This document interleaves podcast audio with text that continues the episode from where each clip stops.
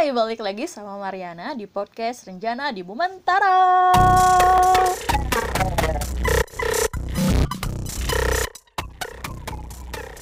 Gak ada keluarga yang benar-benar sempurna. Ada yang keluarganya lengkap tapi tidak bahagia. Ada yang keluarganya tidak lengkap tapi bahagia. Ada juga yang serba berkecukupan tapi nggak pernah bareng-bareng. Ada juga yang selalu bareng-bareng tapi kesulitan dalam berbagai hal. Ada yang suka bareng-bareng, gak punya masalah apa-apa dengan ekonomi, tapi nggak bahagia. Ada juga yang udah bareng-bareng, sulitan ekonomi, dibonus pula nggak bahagia.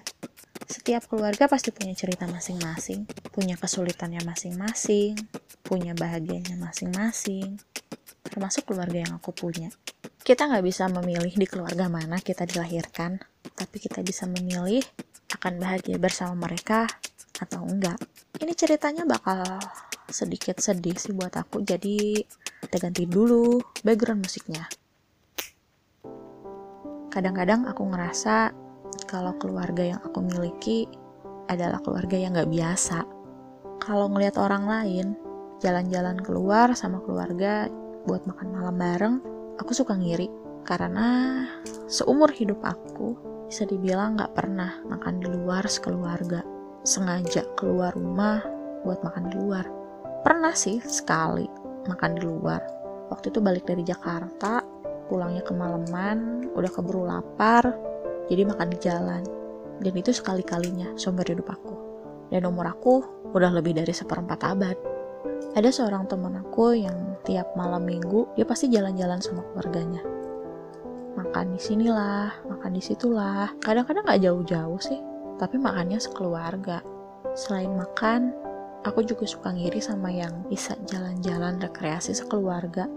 Temen aku waktu sebelum pandemi pernah nge-share dia sekeluarga dan ditambah adik-adiknya nginep di sebuah villa selama dua hari tiga malam kalau nggak salah.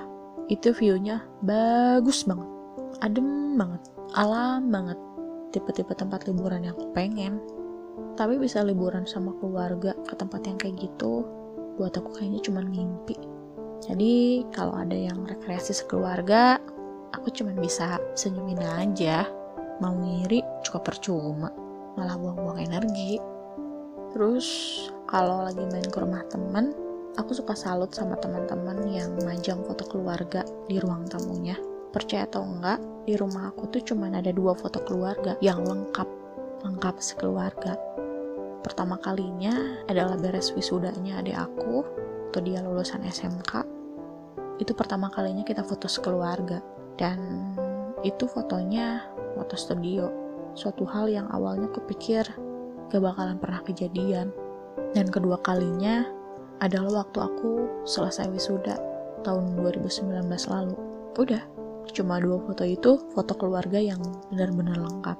Kenapa keluarga aku nggak bisa ngelakuin itu? Bukan karena nggak ada uang. Uang ada meskipun mobil nggak ada. Ya kan sekarang banyak kokar tuh. Bisa lah ngangkut berlima doang pergi ke mana-mana. Tapi satu hal yang gak banyak orang tahu keluarga aku nggak bisa ke sana kemari lengkap berlima adalah karena kakak aku berkebutuhan khusus untuk komunikasi masih bisa tapi memang biasanya cenderung berputar-putar setelah sekali diucapin itu pasti diucapin lagi. Gak ada satu kalimat yang cukup diucapin sekali. Dan kalau bawa kakakku keluar rumah, itu cukup ribet. Ribetnya apa? Karena banyak banget yang bakalan dia tunjuk.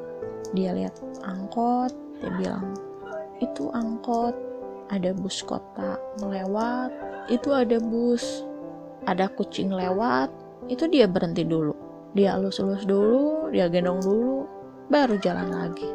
Dan kalau suasana nggak sesuai dengan keinginannya dia dia bakalan ngamuk marah-marah sampai akhirnya nangis sambil teriak-teriak.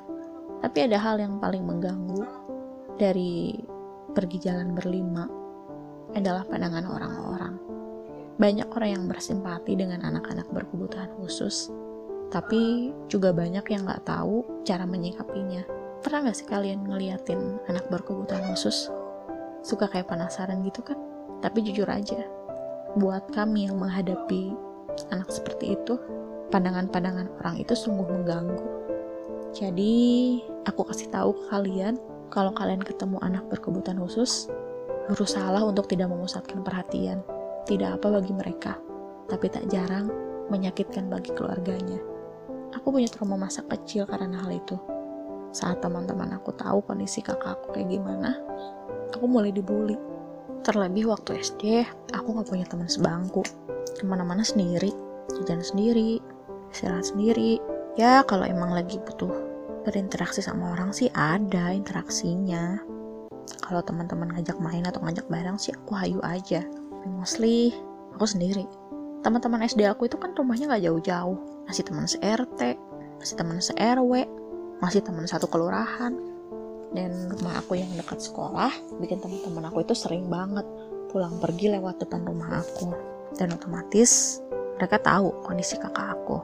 Karena gitu-gitu juga gak mungkin kan kakakku dikurung di dalam kamar. Pasti kakakku keluar juga. Walau cuman main di teras nggak nyampe ke jalan. Dan waktu SD aku selalu dikatain sama teman-teman aku tidak banyak sih beberapa orang aja tapi bisa diteriakin tiap hari. Mereka sering ngatain aku idiot, dan aku pengen teriak sama mereka kalau kondisi kakak aku kan bukan dia yang minta juga. Memang udah dikasihnya, memang memang dikasihnya kayak gitu kok. Kalau bisa milih, gak bakalan minta dilahirin kayak gitu kan. Orang-orang mungkin bilangnya, ya maklum lah, namanya juga anak-anak. Suka saling ledek, atau ya saling ngata-ngatain. Tapi orang-orang yang ngomong gitu kan gak pernah tahu perkataan macam gitu tuh bisa membekas banget karena kejadian di SD yang sering dikatain waktu SMP aku lebih tertutup. Apalagi saat aku SMK waktu SMK yang tahu kondisi aku itu ya cuma teman segeng aku doang. Cuma berempat. Waktu kuliah juga gitu. Cuma teman segeng aja yang tahu yang lainnya enggak. Aku bukannya tidak menerima kondisi kakak aku. Aku cuma gak pengen kejadian waktu aku SD itu kulang lagi. Ya makin aku beranjak dewasa pasti makin sedikit sih yang ngebully kayak gitu. Tapi karena bertahun-tahun ngalamin itu waktu kecil aku cenderung takut.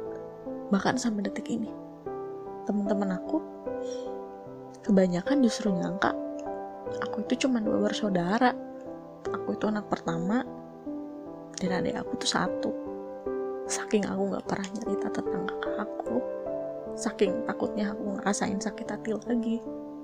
Waktu pengumuman tema 30 hari bersuara soal keluarga aku sempat maju mundur mau cerita atau enggak.